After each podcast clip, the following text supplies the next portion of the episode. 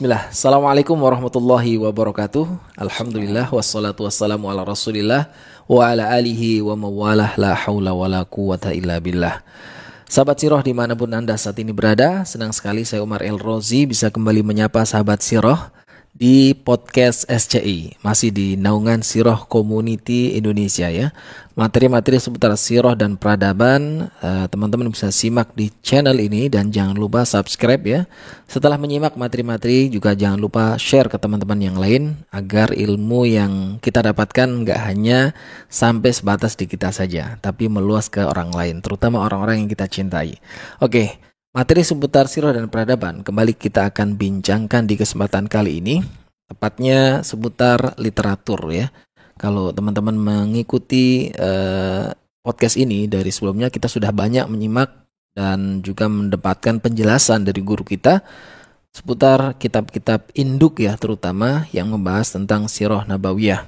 Kali ini kita akan coba tanyakan ke Ustadz. Di kesempatan kali ini kita akan uh, mengulas kitab apa gitu ya. Ada Ustadz Asep Subari di sini. Assalamualaikum Ustadz. Waalaikumsalam warahmatullahi wabarakatuh. Kabar baik Ustadz ya? Selalu baik alhamdulillah. Alhamdulillah. Kita akan kembali lanjutkan ngomongin buku nih Ustadz. Ah iya. Saatnya kita bicara buku nih. Uh, ngomong-ngomong di kesempatan kali ini buku apa Ustadz? yang akan diulas nih. Ada satu buku hmm. yang saya mungkin baca pertama kali itu sekitar ya sudah lama sih sebenarnya. Hmm? Ya kurang lebih di akhir-akhir masa kuliah kalau nggak salah. Oh, udah lama banget dong kalau gitu. Ya. banget. Ketahuan usianya ntar. ya itu dia masalahnya. Jangan disebut angkanya. Okay. Kalau tapi katanya umur juga hanya angka sebenarnya. Oh kan? gitu ya. Iya. Yang penting kan bobot amalnya itu. Ay, Masya Allah. Nah, ya.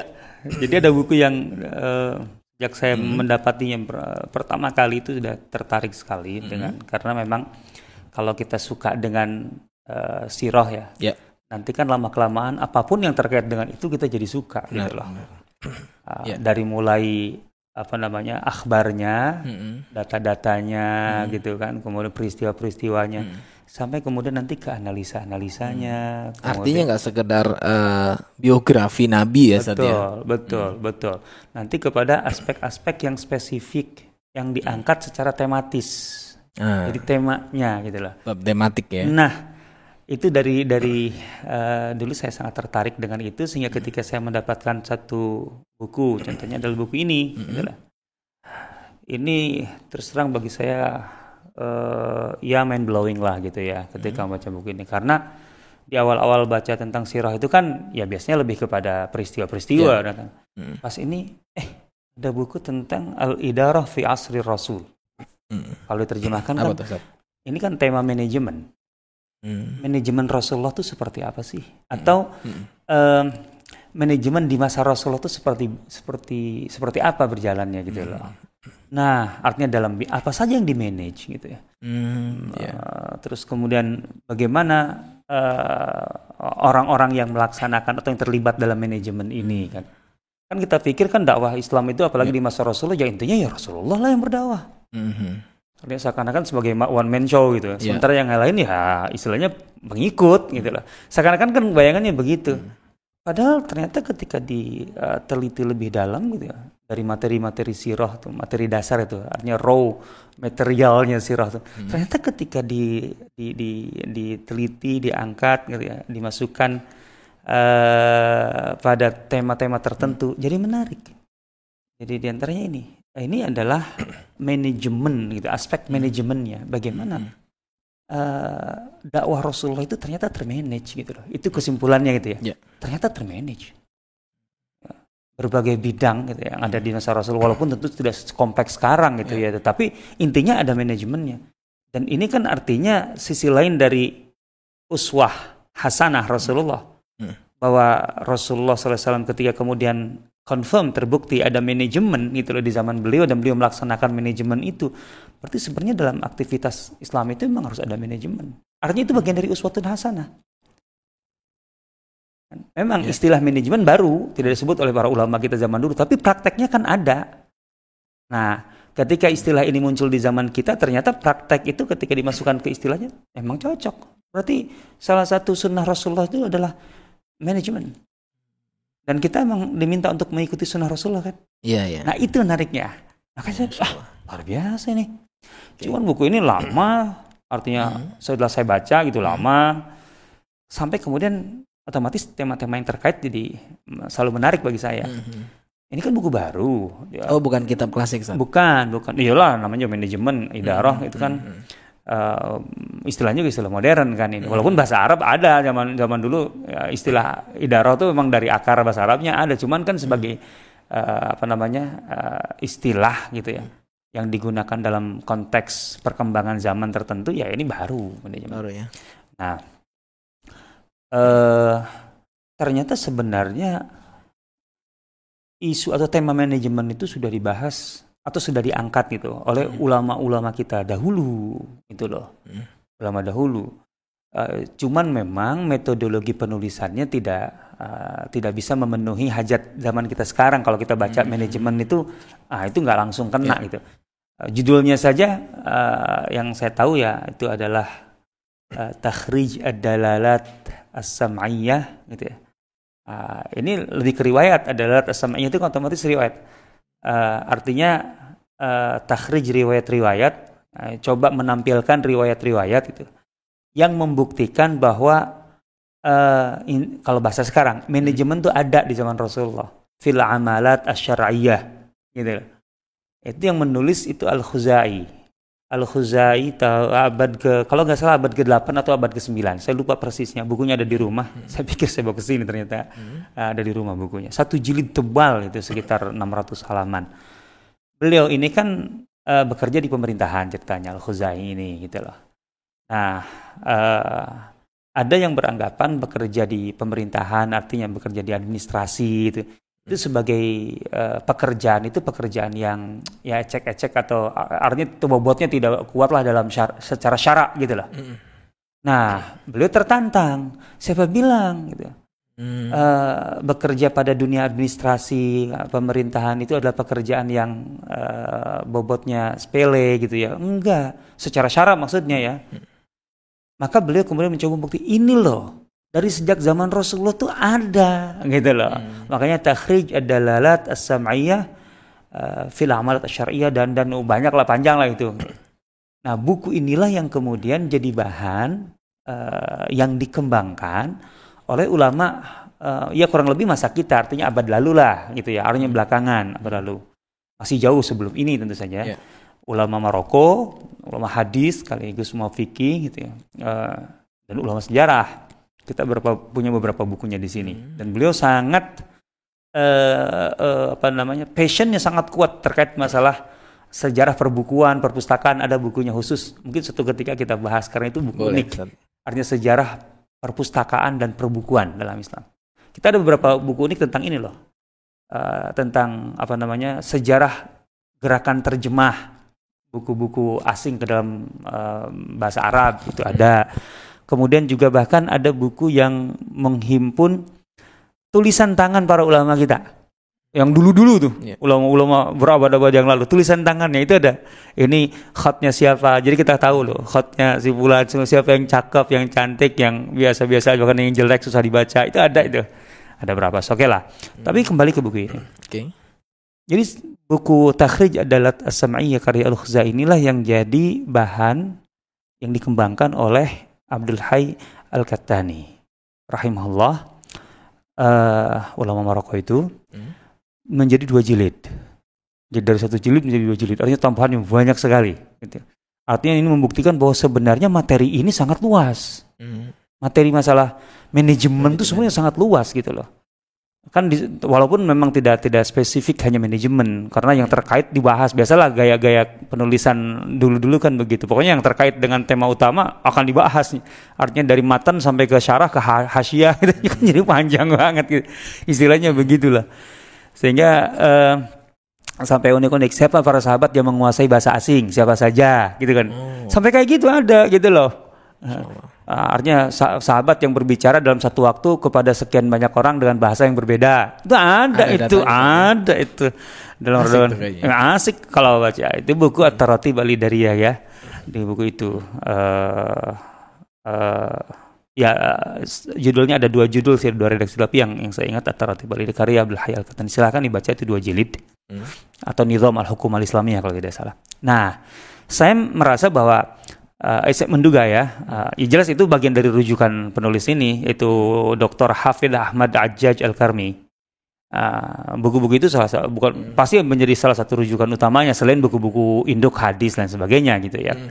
Kalau itu inspiring banget itu dua buku itu kalau menurut saya. Nah, tapi saya pun masuk ke buku itu setelah setelah ini gitu ya. Walaupun saya sebenarnya uh, lebih dulu pernah menemukan buku Abdul uh, Syekh Abdul Hayy Al-Katani itu. Cuman oh ya itulah kadang-kadang. Jadi saya dulu di Madinah suka jalan-jalan ke toko buku. Hmm. Kalau jalan-jalan tuh toko buku setelah dari Masjid Nabawi malam-malam itu. Ya kan toko buku tuh buka bukanya sampai malam gitu. Bukan ke pusat oleh-oleh kayak sekarang saat ya. uh, lain lagi. nah, oke. Okay. Itu saya pernah menemukan buku itu dan uh, ya alternatif Alidaria itu dan sangat menarik sekali waktu itu. Cuman ya biasa kan ya kan duit kan terbatas gitu namanya juga mahasiswa kantongnya kan. Aduh, ntar aja deh belinya gitu ya Eh setelah itu nyari lagi nggak ketemu buku itu gitu loh susah sampai itu alhamdulillah waktu kita ke Mesir kemarin kan. Yeah. Nah kita dapat buku itu, ya. Lukut uh, Takhrij Jalan juga dapat, termasuk yang ini, ini yang dibeli di Kairo gitu loh, hmm. karena ini di perpustakaan kita. Kita beli Kairo, karena memang saya sudah sudah baca sebelumnya, jadi pas dapat, hmm. ah kita dapat baca. Ya. Nah menarik sekali nih. jadi buku ini buku baru tahun 88 uh, diterbitkan uh, di Darussalam Kairo dan kemudian uh, uh, maaf, uh, karyanya karyanya tahun 88 hmm. uh, sebagai tesis master di Jordan University uh, ini beliau ini Dr. Ahmad Hafidin dok, uh, doktornya di London dengan kurang lebih tema yang sama cuman beda periode jadi kalau ini master tesis masternya tentang manajemen di masa Rasulullah hmm disertasi dokter yang di London itu manajemen di masa Khulafaur Rasyidin. Ini itu belum belum dapat saya bukunya. Uh, Kita belum dapat nih bukunya itu. Itu perlu. Nah, buku ini sendiri cetakan keduanya tahun 2007. Cetakan kedua baru. Kayaknya punya saya cetakan pertama deh. Punya saya cetakan pertama. Gitu ya. Uh, nah, saya persisnya ah, lupa-lupa uh, ingat tuh belinya di mana itu yang cetakan pertama itu atau yang punya saya punya. Oke. Okay. Hmm. Uh, buku ini terdiri dari enam uh, bab. Gitu ya. Ada enam bab. Semuanya tentang manajemen. Hmm. Dimulai dari dari dari uh, apa namanya uh, judul bab ini kita akan dapatkan gambaran ya tentang aspek apa saja yang ditonjolkan oleh penulis terkait dengan manajemen yang berlaku pada masa itu. Bab ya. pertama itu membahas tentang manajemen di Jazirah Arab sebelum Islam. Artinya lebih kurang ada nggak sih manajemen di Jazirah Arab sebelum Islam? Tentu saja ini masalah yang tidak sederhana. Gitu ya. uh, setahu saya tidak mudah untuk mendapatkan itu. Gitu ya. Uh, artinya manajemen di masa jahiliyah. Gitu. Hmm. Nah, baru kemudian tampaknya memang ini untuk sebagai mukadimah ya untuk hmm. bisa mendapatkan gambaran manajemen di masa Rasulullah kan masa Rasulullah itu kan otomatis uh, atau masa dakwah awal masa dakwah terutama kan transisi antara jahiliyah ke Eh, bagaimana kemudian Islam membangun manajemen nanti lengkapnya kan di Madinah, bukan yeah. di iya. Mekah. Gitu ya. Tapi apakah di Mekah tidak ada manajemen? Ada, gitu lah. Karena manajemen kan nggak mesti manajemen politik kan, yeah. gitu ya. Kita organisasi kecil aja bisa bikin manajemen kok, gitu loh. Gitu.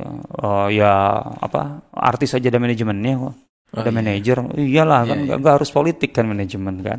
Makanya kemudian bab kedua hmm. itu pembahasan tentang uh, idarah dawal Islamiyah hatta qiyamid daulah.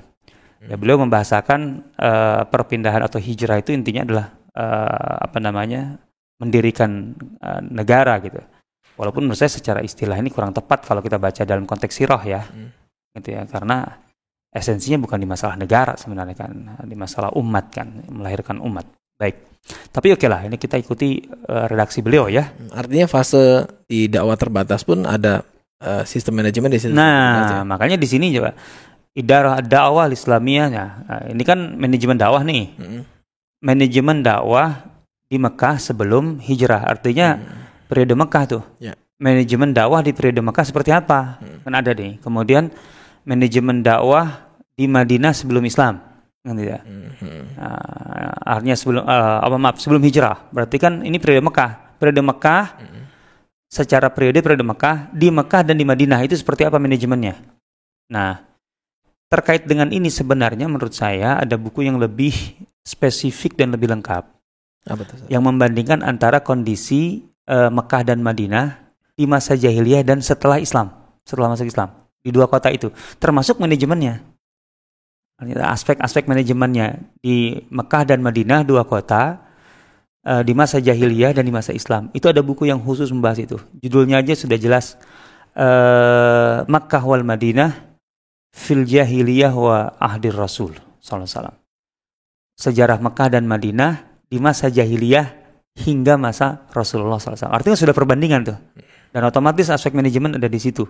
Itu di buku Dr. Ibrahim Asharif. Silakan dicari bukunya dalam berbahasa Arab. Itu menarik buku itu. Itu banyak data-data yang menarik gitu ya. Nah, di sini juga dibahas, tapi ini kan menjadi spesifik di aspek manajemennya saja. Nah, eh, kan kita tahu bahwa dakwah dakwah ke Madinah itu kan dimulai dari periode Mekah. Artinya sebelum hijrah kan sudah ada upaya dakwah yaitu ketika ada apa namanya Bait Aqabah kan. Ya. Otomatis Bait Aqabah itu kan karena ada dakwah di Madinah dan itu sebelum hijrah kan. Itu intinya. Oke, kemudian eh, manajemen dalam hijrah. Artinya peristiwa hijrah sendiri sebenarnya adalah peristiwa yang di-manage. Gitu loh. Ini kan yang menariknya loh ya. Iya, iya. Ini kan ternyata bukan bukan spontan karena Rasulullah mau dibunuh kemudian ya udah pergi begitu. Enggak ada manage manajemennya, ada di manage ini. Di manage gitu. Kemudian eh, bagaimana secara apa namanya? Ya katakanlah prosedurnya atau eh, pelaksanaan dari apa namanya? eh, administrasi di Madinah setelah hijrah gitu. Nah, baru kemudian karena beliau menganggap atau menyebut gitu ya, ini dalam ungkapan beliau bahwa ke Madinah itu ada yang mendirikan negara, artinya bahasanya secara langsung ini masalah negara. Maka kemudian di bab ketiga, eh, Dr. Ahmad Hafidh Ajaj Al-Karmi ini membahas At-Tanzim Al-Idari. ya. Artinya manajemen administrasi negara, tata kelola negara di Madinah gimana sih? Gitu ya. Dari mulai masalah eh, pembagian wilayah gitu ya. Ini bi idaratul buldan wa taqsimatuha al-idariyah gitu. Kemudian eh, manajemen aspek keagamaan atau urusan keagamaan, kemudian masalah eh, tulis menulis. Gitu. Ini menarik loh di sini nih ada data bahwa di Mekah dan di Madinah gitu, yang bisa baca tulis itu di masa awal Islam itu nggak lebih dari 20 orang. Itu penting loh ini Iya, iya. supaya kita paham bahwa pada masa itu tidak bisa membaca dan tidak bisa menulis itu bukan orang ukuran orang terhormat atau tidak terhormat. Bukan aib juga. Ustaz. Ya ini buktinya. Ya. Orang Arab itu, orang Arab jahiliyah apalagi, gitu ya, itu kan sangat-sangat concern dengan kehormatan dan kemuliaan. Ya. Semua yang terkait dengan kehormatan akan dikejar. Hmm. Nah, ketika mereka kemudian coba aja di Mekah itu ada minimal kan penduduk Mekah itu perkiraan estimasi kita bisa mencapai 6.000 sampai 8.000 orang penduduk Mekah. Yang bisa nulis, baca tulis cuma 20. Itu artinya apa? Itu tidak terkait dengan keterhormatan atau tidak. Jadi bukan aib kalau orang nggak bisa baca. Iya. Itu kita harus paham budaya itu. Begitu juga di Madinah. Gitu. Sekila itu Kita akan awal. Siap. Gitu yang perlu kita angkat sebelum uh, ada tema besar terkait itu. Oke. Kemudian uh, berikutnya tentang apa nih? Tentang diplomasi. Diplomasi. Nah, aspek diplomasi. Bagaimana memanage hubungan uh, dengan pihak luar. Luar. Kalau bahasa kita kan hu- hubungan uh, bilateral, gitu, Iya. multilateral dan seterusnya. Nah, bab keempat ini menarik nih, gitu ya. Ya semuanya menarik sih sebenarnya. bab keempat itu adalah eh, manajemen keuangan. Oke. Nah, otomatis di kalau manajemen keuangan terkait dengan keuangan negara dong, Ya. artinya terkait dengan eh, aktivitas eh, negara kan. Eh, walaupun tentu ada yang eh, terkait dengan dunia usaha masyarakat juga karena di situ negara juga berperan kan. Maka kemudian eh, ini manajemen keuangan sam- s- di periode Mekah, itu satu tuh.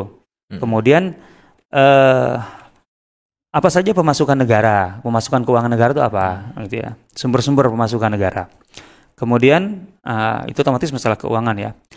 Eh, manajemen eh, pertanian, ziraah, kemudian manajemen perdagangan ada di sini, kemudian manajemen eh, terkait dengan ya ini sih kalau pakai bahasa modern industri tapi bukan industri sebenarnya ya ya produksi alat-alat lah gitu yang masih terbatas gitu ya apa istilahnya ya. Terus kemudian eh, terkait dengan apa namanya eh, pengelolaan keuangan negara, gitu ya. Uh, pengelolaan keuangan negara. Jadi ini hifdzul uh, amwal al-ammah gitu, kekayaan negara itu bagaimana sih gitu. Nah, kemudian bab 5 membahas tentang manajemen militer. Nah, di sini mulai dari masalah dari masalah anggaran, tamwil, anggaran biaya uh, operasional militer gimana nih kan gitu. Wah, itu narik kan ada 80 peperangan loh ya.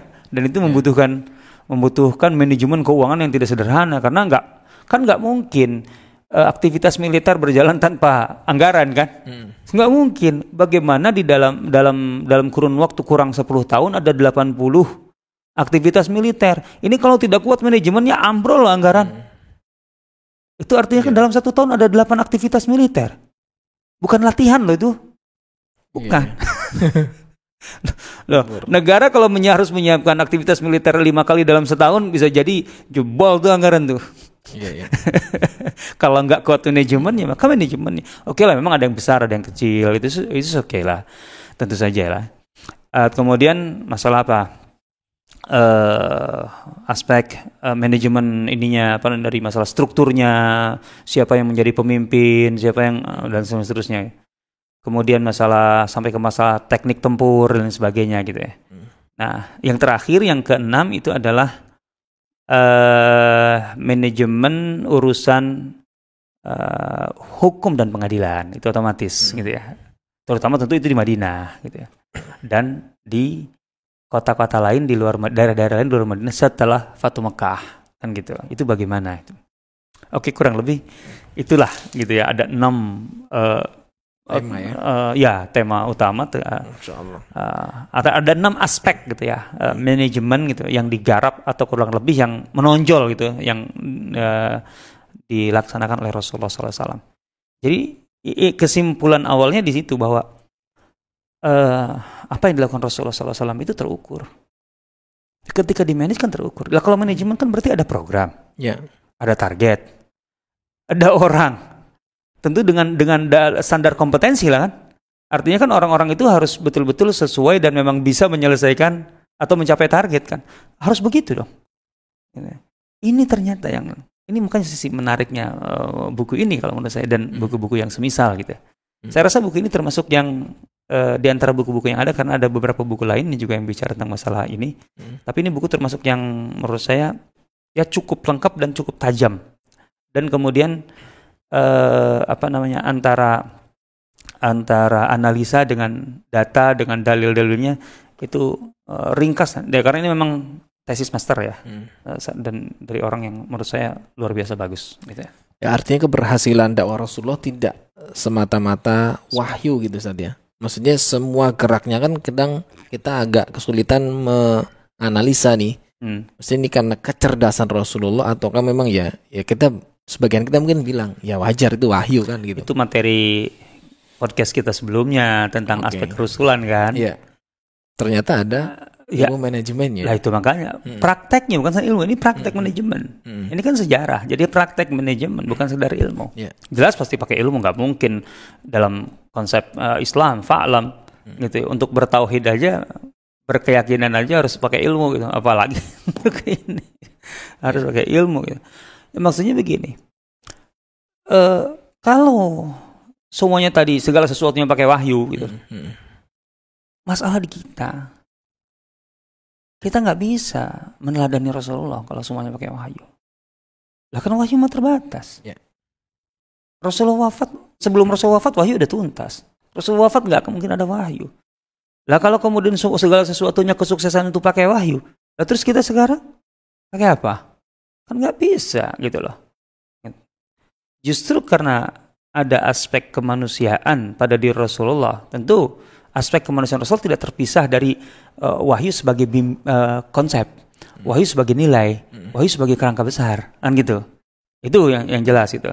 Tapi kan aspek kemanusiaan itu kan aspek yang sangat kemudian uh, fleksibel di mana manusia bisa bermain kan. Di situ kita lihat uh, kejeniusan, kecerdasan, kejelian, uh, apalagi uh, kegigihan, uh, kecermatan Rasulullah SAW dalam menyusun strategi, membaca permasalahan, menyusun strategi, membuat program, mengeksekusi, dan kemudian mengevaluasi dan jadilah hasilnya. Nah inilah manajemen itu buktinya. Ya, ini kan buku juga eh, kitab tematik dan sekarang sekarang ditulis Tat. Betul. Konteksnya dengan kita hari ini misalnya masih tetap pas Tat.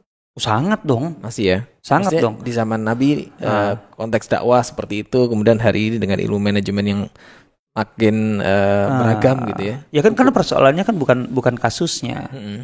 Lah kalau kasusnya memang nggak mungkin disamakan apa yang Iya. terjadi de- di masa kita dengan di masa Rasulullah. Tapi kan eh, ada apa namanya eh apa istilahnya? Ya ada sunatullahnya di situ gitu loh. Gitu loh.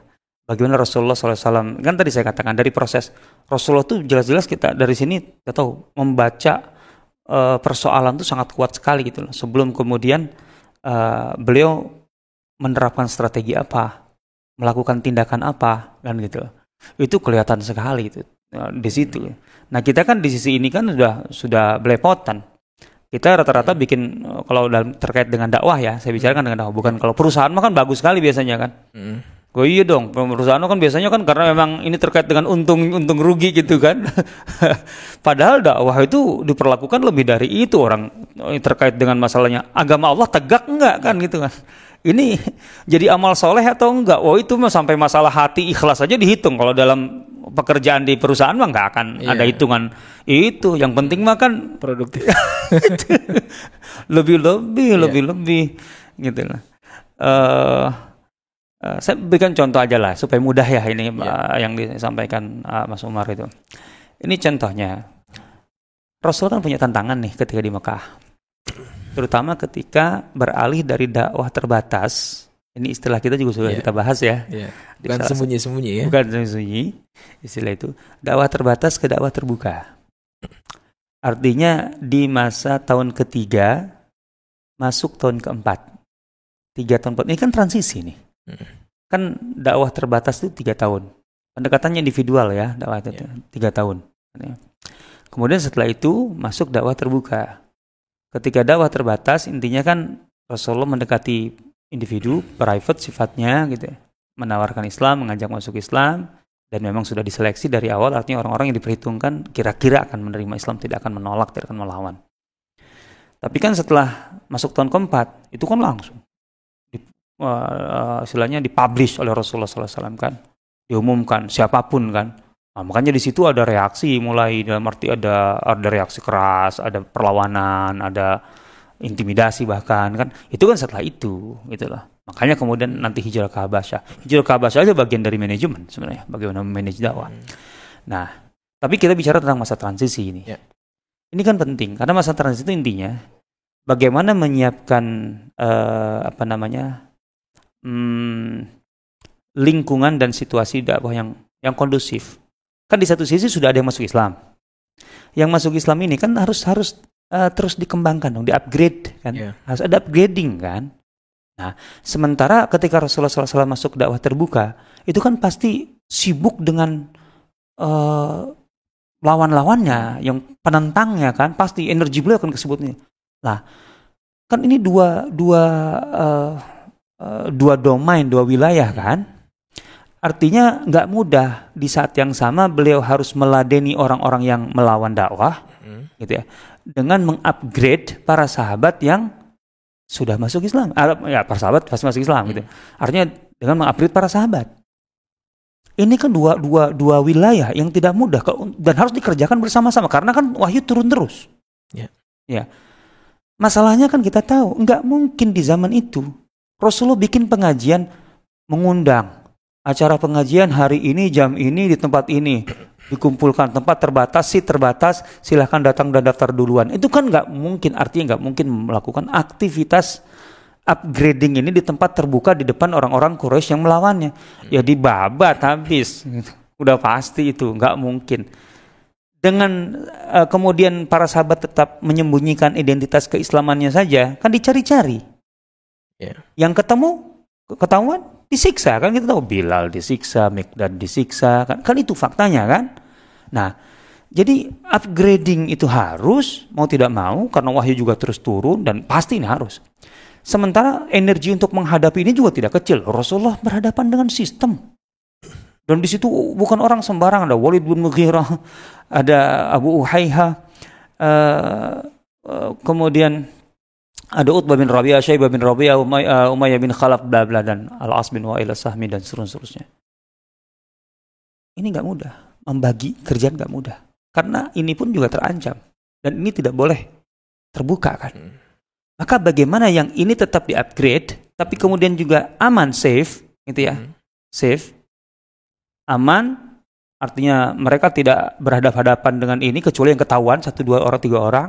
Tapi kan yang tidak ketahuan kan oke. Okay. Yang tidak ketahuan kan termasuk adanya Umar kan baru ketahuannya nanti. Iya. Sama Umar. Ya? iya itu belakangan kan tiga tahun setelah dakwah terbuka tahun ke enam kan. Jadi uh, apa yang dilakukan Rasulullah? Nah di sini kita paham posisi Darul Arkom. Jadi Darul Arkom itu memang bagian dari perangkat manajemen. Bagaimana bisa tetap menjaga agar uh, apa namanya dakwah berkembang dengan baik di satu sisi gitu ya. Uh, di sisi lain kemudian artinya berkembang baik itu orang-orang yang sudah masuk Islam terus uh, apa namanya uh, bisa di, ditingkatkan kualitasnya gitu. Sementara di sini dakwah Rasulullah yang terbuka itu juga berjalan. Jadi dua-duanya tuh simultan tuh paralel hmm. gitu, uh, paralel. Nah, jadi Darul Arkom itu di situ harus kita pahami. Jadi Darul Arkom itu bukan persembunyian dalam arti semata-mata persembunyian.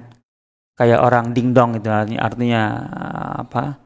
Uh, petak umpat gitu loh. Bukan, bukan gitu. Ini bagian dari manajemen. Karena nanti yang aktif di Darul Arkom itu bukan semua sahabat yang sudah masuk Islam. Mustahil. Lah kalau semua yang sudah masuk Islam dan kita tahu ketika kemudian hijrah ke Habasyah jumlahnya kan 100 tuh, itu aja. Wah, kalau orang 100 ngumpul di satu rumah ya bisa dilabrak ketahuan. Nah, jadi yang masuk ke Darul Arkom itu itu hanya beberapa orang saja. Sementara yang lain para sahabat di rumahnya ya seperti kasus kemudian adiknya Umar kan ya. di rumahnya. Dan khobab gitu ya. Nah, khobab yang dari Darul Arkom hmm. itu nanti akan keluar menyebar Seakan-akan tamu. Kan tamu gitu kan bertamu. Ya orang mau tidak curiga orang itu aktivitas harian kan. Begitu caranya. Kalau gitu. konteks sekarang orang bilang halakoh kali ya. Atau apa? Ya halakoh mah bentuk kegiatan. Itu mah bentuk kegiatan. Ini mah masalah strategi dan manajemennya gitu loh. Hmm. Ini kan otomatis manajemen. Gitu. Jadi yang masuk dalam arkom itu paling orang ya di kisaran belasan, sepuluh atau mungkin bahkan kurang. Hmm. Bisa jadi kemudian ada shifting gitu ya. Nah itu kita tidak keterangan. Tapi yang yang jelas ada keterangan itu. Nah, karena ini memang untuk mewadahi perkembangan tadi, gitu ya, sebagai bagian dari untuk memanage dakwah agar terus berkembang hmm. secara paralel gitu ya. Uh, maka Darul Arkom itu itu tidak dibentuk setelah dakwah terbuka. Kalau itu reaksi kan yang pas kalau itu reaksi semata-mata itu kan setelah dakwah terbuka. Karena ketika dakwah terbuka ternyata dilawan, wah kita perlu tempat sembunyi nih. Enggak gitu. Di sini disebutkan gitu ya bahwa dari semua riwayat yang ada terkait dengan Darul Arqam uh, dapat disimpulkan bahwa kegiatan Darul Arqam itu dilakukan oleh Rasulullah di masih di tahun ketiga. Artinya di di masa-masa akhir se, uh, dakwah terbatas sebelum terbuka. Jadi Rasul sudah menyiapkan. Rasul sudah artinya kan Rasulullah visinya panjang dong. Hmm. Nanti setelah terbuka itu akan ada gini, maka yang dibutuhkan tuh perangkat tuh ini. Dari Darul Arqam itu tidak dimulai se uh, setelah dakwah terbuka karena merespons uh, apa namanya uh, perlawanan Quraisy bukan. Tapi dipersiapkan dari sejak dakwah terbatas. Dan pemilihan lokasi hmm. pemilihan lokasinya itu luar biasa. Lokasinya itu di uh, dekat sofa. Dan itu disebut di sini itu sebenarnya seberang seberangan dengan berseberangan dengan Darun Nadwa. Parlemen Quraisy. Ya? ya itu dia tempat paling berbahaya Quraisy itu kan artinya tokoh-tokoh Quraisy kan Darun Nadwa. Katanya kan tempat paling berbahaya itu adalah tempat paling aman. Iya itu dia. Di situ kan orang-orang berpikir kalau Rasulullah pun kumpul bikin aja paling kan di rumahnya. Atau rumah paman-pamannya, pelindungnya kan, atau senior-seniornya gitu. Kan itu bayangnya, ternyata nggak ada semua. Lah ya di situ disuruh di seberang mereka. sofa itu dekat sofa itu. Nah, terus rumah siapa? Rumah milik Al-Arqam tadi. Darul Arqam itu kan rumah Al-Arqam bin Abil Arqam. Ini sahabat, Nabi. wafatnya tahun 54 atau 53 Hijriah. Gitu. Ada sebagian yang meragukan bahwa ini kan karena karena katakanlah ini dalam dunia intelijen ini jangan-jangan sandi. Di Darul Arqam tuh hanya sandi itu. Bukan, itu memang orang Ada betul. orangnya, ya. ada orangnya, ada anaknya, ada ini. Orang ikut di perang Badar ke Al-Arqam itu. Orang ikut di Badar, ikut di Uhud. itu. Nah, jadi Al-Arqam itu, nah ini yang menarik lagi ngasih data di sini. Dan itu jarang di buku-buku sirah umum loh ya, ngasih data. Bahwa Al-Arqam saat itu kurang lebih usianya 17 tahun. Ini kan menarik. 17 tahun dan Al-Arqam termasuk yang tidak diketahui kapan dia mulai masuk Islam. Artinya orang-orang pada umumnya eh, tidak mengenal Al-Arqam itu sudah masuk Islam, tidak tahu. Hmm. Sudah gitu usianya 17 tahun lagi. Kan nggak kebayang dong.